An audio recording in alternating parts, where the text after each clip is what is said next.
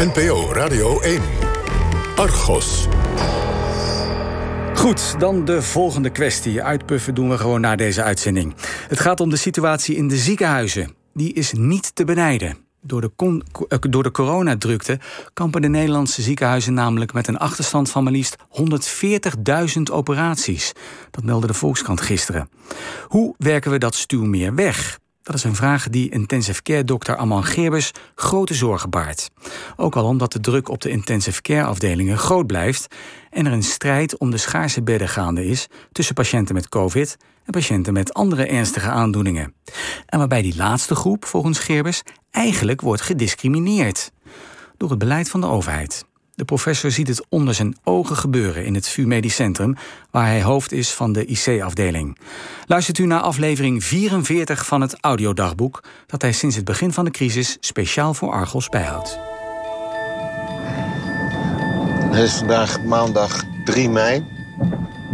En ik rijd nu terug naar huis. Nou, vandaag was de dag dat ik, uh, wat we dan noemen, dienst had. Uh, deze hele week, tot en met volgende week uh, maandag.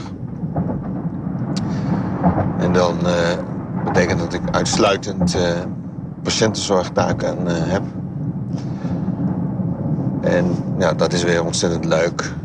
Vooral omdat je dan samenwerkt met jonge artsassistenten, artsen in opleiding tot medisch specialist. En dat betekent ook dat je samen de patiënten bekijkt en dat je uitlegt wat al die curves die je op de beademingsmachine ziet, wat dat betekent. En als je dan een klein beetje verandert aan de instellingen, dat je aan de hand van de curves die je ziet, een beetje kan voorspellen wat er gaat uh, gebeuren. En, nou, dat is natuurlijk superleuk als dat ook allemaal zo gebeurt. Uitgebreid onderwijs gegeven in hoe je nou een thoraxfoto, een foto van hart en longen, een röntgenfoto, hoe je die beoordeelt. En uh, nou, dat enthousiasme wat je dan krijgt, is een van je belangrijke motivatoren om te doen wat je doet. En dat is vreselijk leuk. Ik sta dan op de unit waar de, laten we zeggen, de gewone patiënten liggen gewone patiënten, dat zijn dan de niet-COVID-patiënten. En alle patiënten zijn natuurlijk super bijzonder, want dat zijn hele gecompliceerde patiënten. Van patiënten die uh, hele uitgebreide behandelingen hebben gehad in verband met leukemie. Patiënten met een ernstig uh, letsel van uh, hoofd en hersenen. Patiënten met een ernstige bloedvergiftiging patiënten die complicaties hebben van grote operaties die ze hebben ondergaan.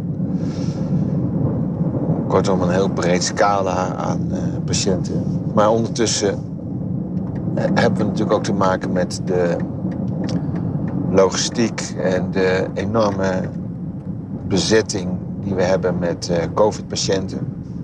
En dan merk je ook ja, die verschillende werelden die er zijn. Dus, we liggen dan eigenlijk helemaal vol met patiënten wat betreft de COVID-unit.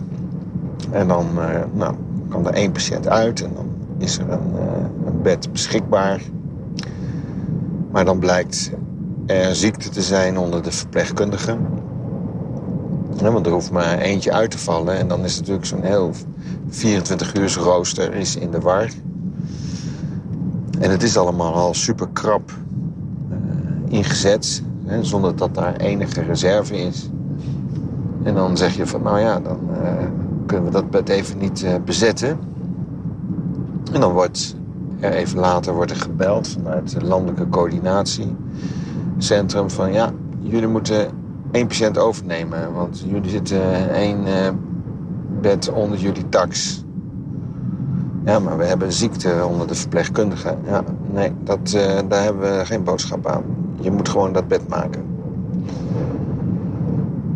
Nou, dat klinkt natuurlijk allemaal ontzettend sociaal. En het is natuurlijk heel raar dat je zulke soort telefoontjes wel krijgt voor de COVID-patiënten. Maar niet voor al die andere patiënten. Nou, dan ga je aan de slag. Gaat dan om een patiënt die wij een ander ziekenhuis moeten overnemen. Nou, verpleegkundig hoofd moet uh, dan uh, bellen en proberen wat te regelen. En uiteindelijk lukt het dat één verpleegkundige bereid is om een extra dienst uh, te doen. En bovenop de belasting in termen van onregelmatigheid, weekenden, avonden, die is natuurlijk al heel groot. Nou, dan, dan lukt dat. Dan zeggen we oké, laat, dan zullen we die patiënt wel overnemen. En een half uur nadat we dat gezegd hebben, worden we gebeld door de eerste hulp. Ja, er ligt een uh, ongeveer 50-jarige man, ligt nu op de eerste hulp. En uh, COVID, dat gaat niet heel goed. Nou, dan ga je bij die patiënt ga je kijken. En dan denk je, nou ja, misschien zou dat allemaal net nog gaan op de verpleegafdeling met uh, Optiflow.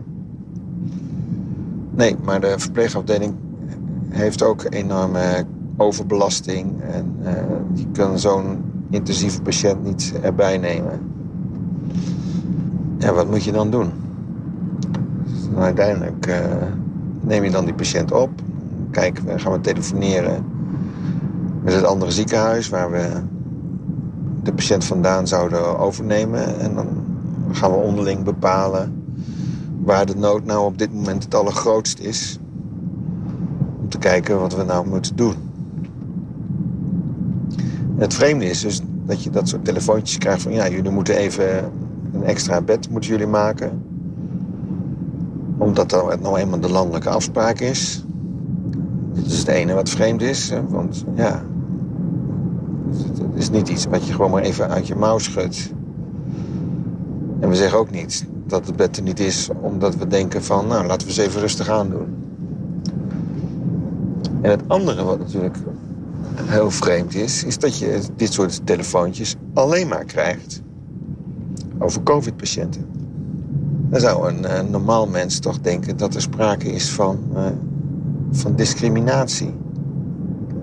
Nou, dat is een rare situatie waar we dit moment in leven. En, nou, ik, ik hoop maar dat het bij deze tax dat het blijft.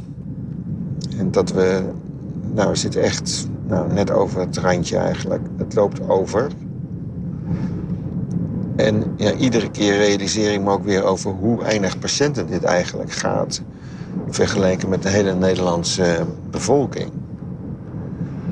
En hoe weinig flexibiliteit wij hebben in Nederland.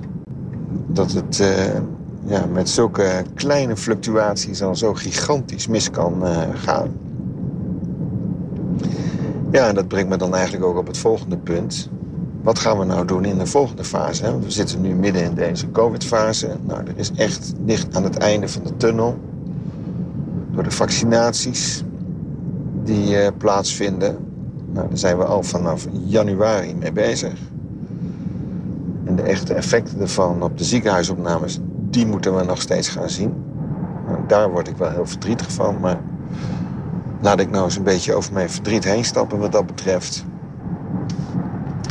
En dan komt natuurlijk het volgende. Hoe zit het nou met de voorbereidingen voor de post-covid fase? Want je kan natuurlijk op je vingers natellen en nagaan welke problemen we straks zullen gaan hebben. Daar hoef je nou ook niet uh, heel erg lang uh, geneeskunde voor gestudeerd te hebben of hoogleraar te zijn. Dat snapt iedereen. En we krijgen te maken met nou, toch wel een significant aantal patiënten met uh, lange termijn klachten van COVID.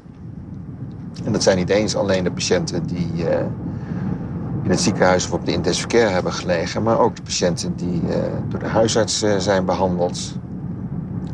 En dat worden behoorlijke aantallen patiënten ook nog met de intensive care patiënten, ziekenhuispatiënten.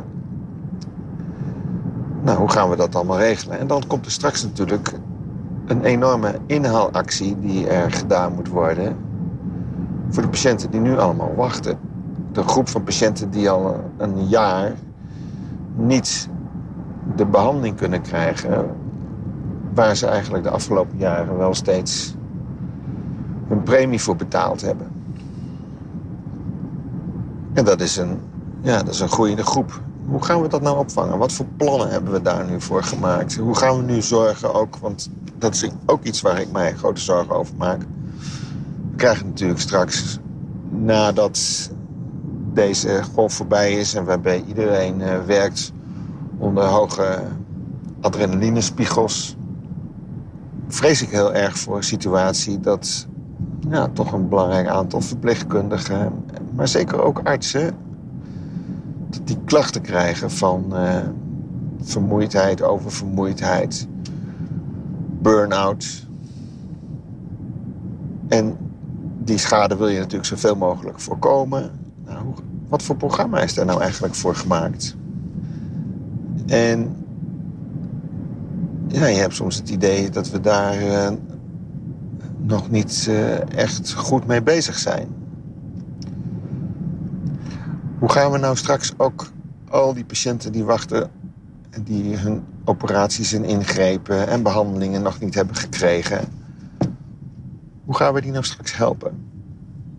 Hoe gaat dat gecoördineerd worden? Gaan we dat landelijk coördineren? Of zeggen we tegen al die patiënten... nou, belt u maar met de case manager van de zorgverzekeraar...